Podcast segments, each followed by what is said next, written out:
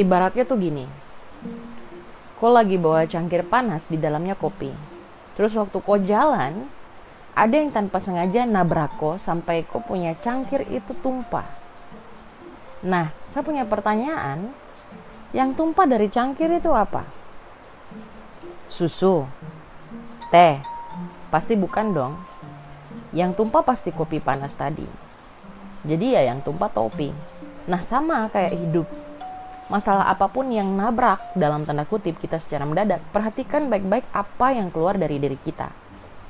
Apakah itu hal-hal yang buruk, macam tiba-tiba kok auto maki, atau hal-hal seperti buah-buah roh. Sebelum saya mulai podcast ini, saya mau terima kasih buat teman-teman yang selama tahun 2019 ini setia banget menjadi pendengar waktu dari awal podcast ini dibuat.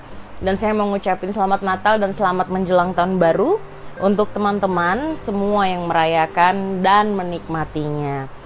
Nah, sebelum saya mulai podcast ini, saya juga mau minta maaf nih karena tahun ini kayaknya banyak bolong-bolongnya ya Jenny Karaya karena minta maaf banget jadwalnya tuh lagi padat banget. Dan sebelum saya juga mulai keterang topik hangat hari ini, saya mau mengimbau teman-teman untuk jangan lupa dukung Kuterong punya podcast ini. Dia punya cara gampang dan gratis. Teman-teman bisa follow di Spotify, bisa bagikan di sosial medianya teman-teman, atau uh, bila teman-teman pengguna Apple Podcast, jangan lupa subscribe dan berikan bintang 5 buat podcast ini. Podcast ini juga sekarang bukan cuma dinikmati di Spotify dan Apple Podcast, tapi juga sekarang bisa dinikmati di aplikasi Anchor maupun Google Podcast dan itu semuanya gratis. Oke, okay, uh, eh, tanpa mengundur-undur waktu lagi, mari kita bahas. Kita punya topik yang menarik hari ini tentang menjaga hati.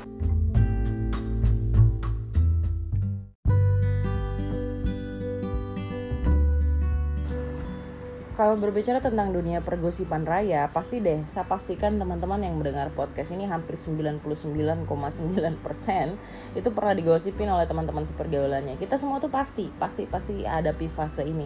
Saya pribadi ya pernah loh kena gosip dinaksir dinaksir atau jadi pacarnya si XYZ.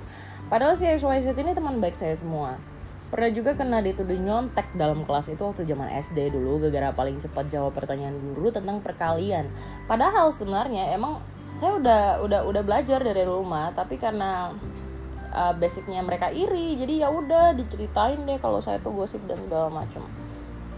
Dan yang paling menggelikan ya, saya itu sampai pernah digosipin jadi pelakor loh Astaga naga itu kayaknya gosip paling keselin sepanjang masa masa saya hidup jadi manusia Padahal cerita aslinya tuh tidak seperti itu, tapi karena sudah diberi bumbu kiri kanan atas bawah dikasih segala macam uh, rempah-rempah jadilah seperti itu dan ujung-ujungnya saya yang disudutkan.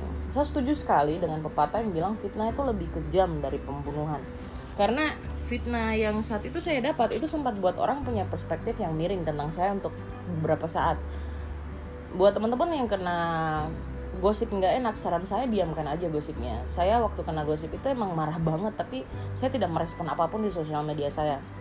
Saya menolak untuk membuat hal, tersebut uh, buat saya punya hidup itu makin miserable atau orang Jawa bilang makin longso malah yang saya posting yang seru-seru aja tentang tri pekerjaan pencapaian dan apa yang saya kerjakan. Lebih banyak sih tentang pelayanan waktu itu dan secara langsung saja gosip itu tuh hilang di telan waktu. Karena siapa pun yang dengar dan membandingkan saya secara langsung entah itu pencapaian pekerjaan dorang akhirnya bisa nilai sendiri bagaimana saya punya karakter dan saya punya kepribadian. So intinya adalah uh, tidak ada sesuatu pun yang abadi termasuk gosip. Semua tuh bakal puff hilang di telan waktu. Kalau bicara tentang menjaga hati dalam hal ini artinya gini teman-teman. Ketika kita diceritain orang kita tuh auto nggak bisa kita kontrol apa yang mereka bicarakan tentang kita right? Oke okay. kalau kok bisa kontrol mungkin kok punya indera kesekian ya. Ya nggak usah kita yang bicarain deh. Nggak usah kita yang dibicarain. Kalau teman-teman kita yang datang terus gosipin orang lain responnya kita gimana? Ayo.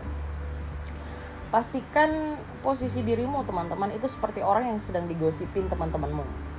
Gimana rasanya? Pasti kamu juga nggak bakal suka dong kalau kamu diceritain orang uh, ke orang lain jadi ketika datang gosip ke telinga kamu jangan disebarin, udah selesai. berhenti di kamu. Kuncinya selalu posisikan bila dirimu lah yang dibicarain.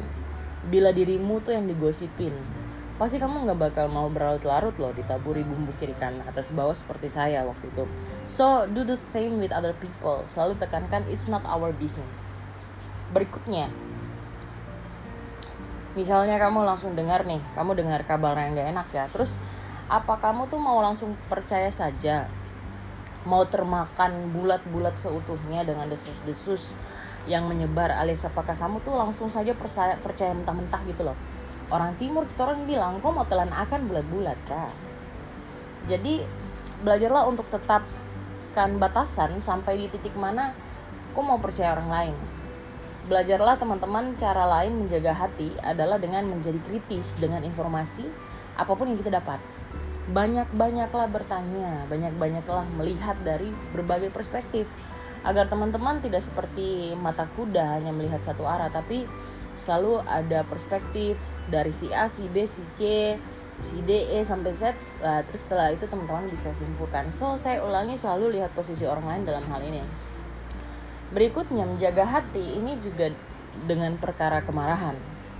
Oke, semua orang punya amarah. Saya pun demikian. Kita tuh bisa jadi orang yang nahan marah atau kita bisa jadi orang yang lekas nah marah kalau diganggu atau diusik garis kedamaiannya kita. Kalaupun kamu marah teman-teman kontak fisik atau pukul tembok terus apa gunanya? Kan biasanya gitu tuh. Uh, biasanya ini kalau macam pas mungkin dalam pacaran kali ya yang tiba-tiba marah terus pukul tembok segala macam itu tuh gunanya apa gitu loh? Itu tuh nggak bakal nunjukin kok tuh perkasa kok tuh gentleman kok tuh andalan. No yang ada tuh malah kok yang ganti rugi untuk kerusakan yang kau buat loh jadi menjaga hati juga termasuk dengan mikir konsekuensinya tuh seperti apa.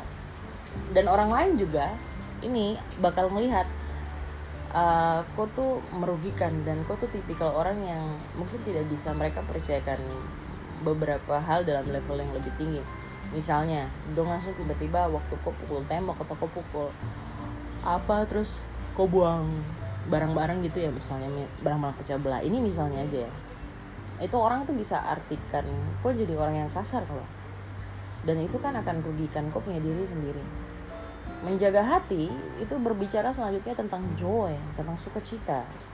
Yang saya artikan ya itu sukacita atau kegembiraan. Ketika kita lagi di masa susah ya teman-teman itu kita selalu punya dua pilihan. Kau mau menikmati kupu proses itu atau kau mau kecewa? Ketika kau kecewa kau akan jadi orang yang dia punya hobi tanya kenapa begini? Kenapa dari semua orang bisa yang dapat? Kenapa begitu? Kenapa dari miliaran orang di dunia ini saya yang ketimpaan kesusahan ini? Hello guys. Tiap tahun tuh loh banyak cobaan. Tiap tahun tuh pasti ada cobaan. Jadi aku tuh tidak bakal luput dari yang namanya cobaan. Buat saya pribadi sih ketika hadapi masa-masa yang susah banget ya saya belajar untuk lihat itu jadi proses pendewasaan menikmati susahnya air matanya kegalauannya. Tapi ya seperti gosip tadi bahwa uh, tidak ada satupun yang permanen tidak ada satupun yang abadi. Kesusahan itu akan selalu berganti dengan kebahagiaan kok. Sooner or later. So perhatikan um, apakah kamu belajar menerima menerima proses itu jadi proses untuk kamu uh, semakin dewasa atau jangan-jangan yang tipikal tadi selalu berkata mengapa begini mengapa begitu iya nanya aja terus sampai maranatha Nah, izinkan saya berikan pemahaman kepada teman-teman. Kita nih lagi bawa cangkir misalnya ya, di koridor gitu. Kita lagi bawa cangkir panas di dalamnya kopi nih. Terus waktu kita jalan itu ada yang tanpa sengaja nabrak kita. Sampai kopinya tumpah. Pertanyaan saya ke teman-teman, yang tumpah dari cangkir tadi apa? Susu, teh. Pasti bukan dong. Kan tadi di dalamnya isinya kopi panas jadi yang tumpah ya pasti kopi panas nah sama kayak hidup masalah apa pun yang nabrak kita dalam tanda kutip secara mendadak ya perhatikan baik-baik apa yang keluar dari diri kita dan apa yang keluar itu harus adalah hal-hal yang benar dan yang baik seperti buah-buah roh entah itu kasih sukacita dan sejahtera kemurahan kebaikan kesetiaan dan kelemah lembutan buat teman-teman yang mau, mau baca lengkapnya itu bisa buka sendiri di Galatia 5 ayat 22 sampai 23 ya. So make sure yang tumpah dari hidupmu adalah hal-hal yang baik. indikator kalau ada yang kurang balance dalam kita orang punya hidup itu bisa selalu dilihat dari apa yang tumpah dalam kita punya hidup ketika kita ditabrak dengan badai hidup is it good or bad things berikutnya belajarlah untuk apa pun yang kita lakukan usahakan kita bisa kalkulasikan dia punya hasil akhir kalau saya buat dia gini gimana responnya apa akibatnya karena inti dari menjaga hati itu karena Tentunya ketong tidak mau tanggung akibat dari emosi yang tidak stabil, sakit hati yang tidak beresensi. Kok bayangkan kalau kau sakit hati dengan orang bertahun-tahun? Ih, kok rugi? Atau hal-hal lain yang akhirnya juga akan membebani kau punya mental. Eh, mulai-mulai ketong masuk tahun baru nih kau lihat makin banyak orang punya mental illness loh. Jangan sampai kau juga salah satunya. Dan ketong punya diri secara keseluruhan. So, jangan lupa untuk kalkulasikan dia hasil akhir seperti apa dan sampai di sini podcast cerita seru bareng Jenny Karai tentang menjaga hati ada beberapa poin tadi yang sudah Jenny Karai bilang ke teman-teman selalu posisikan kau punya diri kepada orang lain selalu kalkulasikan bad or good selalu lihat apa yang keluar dari kau punya diri apakah kau melihat itu sebagai tantangan itu sebagai proses untuk mendewasakan atau kau malah meraju-raju tidak jelas So, bila teman-teman punya masukan, testimoni dari setelah mendengar podcast ini, silahkan DM saya di Instagram @jenikarai. Saya sangat senang bisa mendengarnya langsung dari teman-teman. So, terima kasih teman-teman semua. Sampai bertemu di podcast berikutnya. Dadah.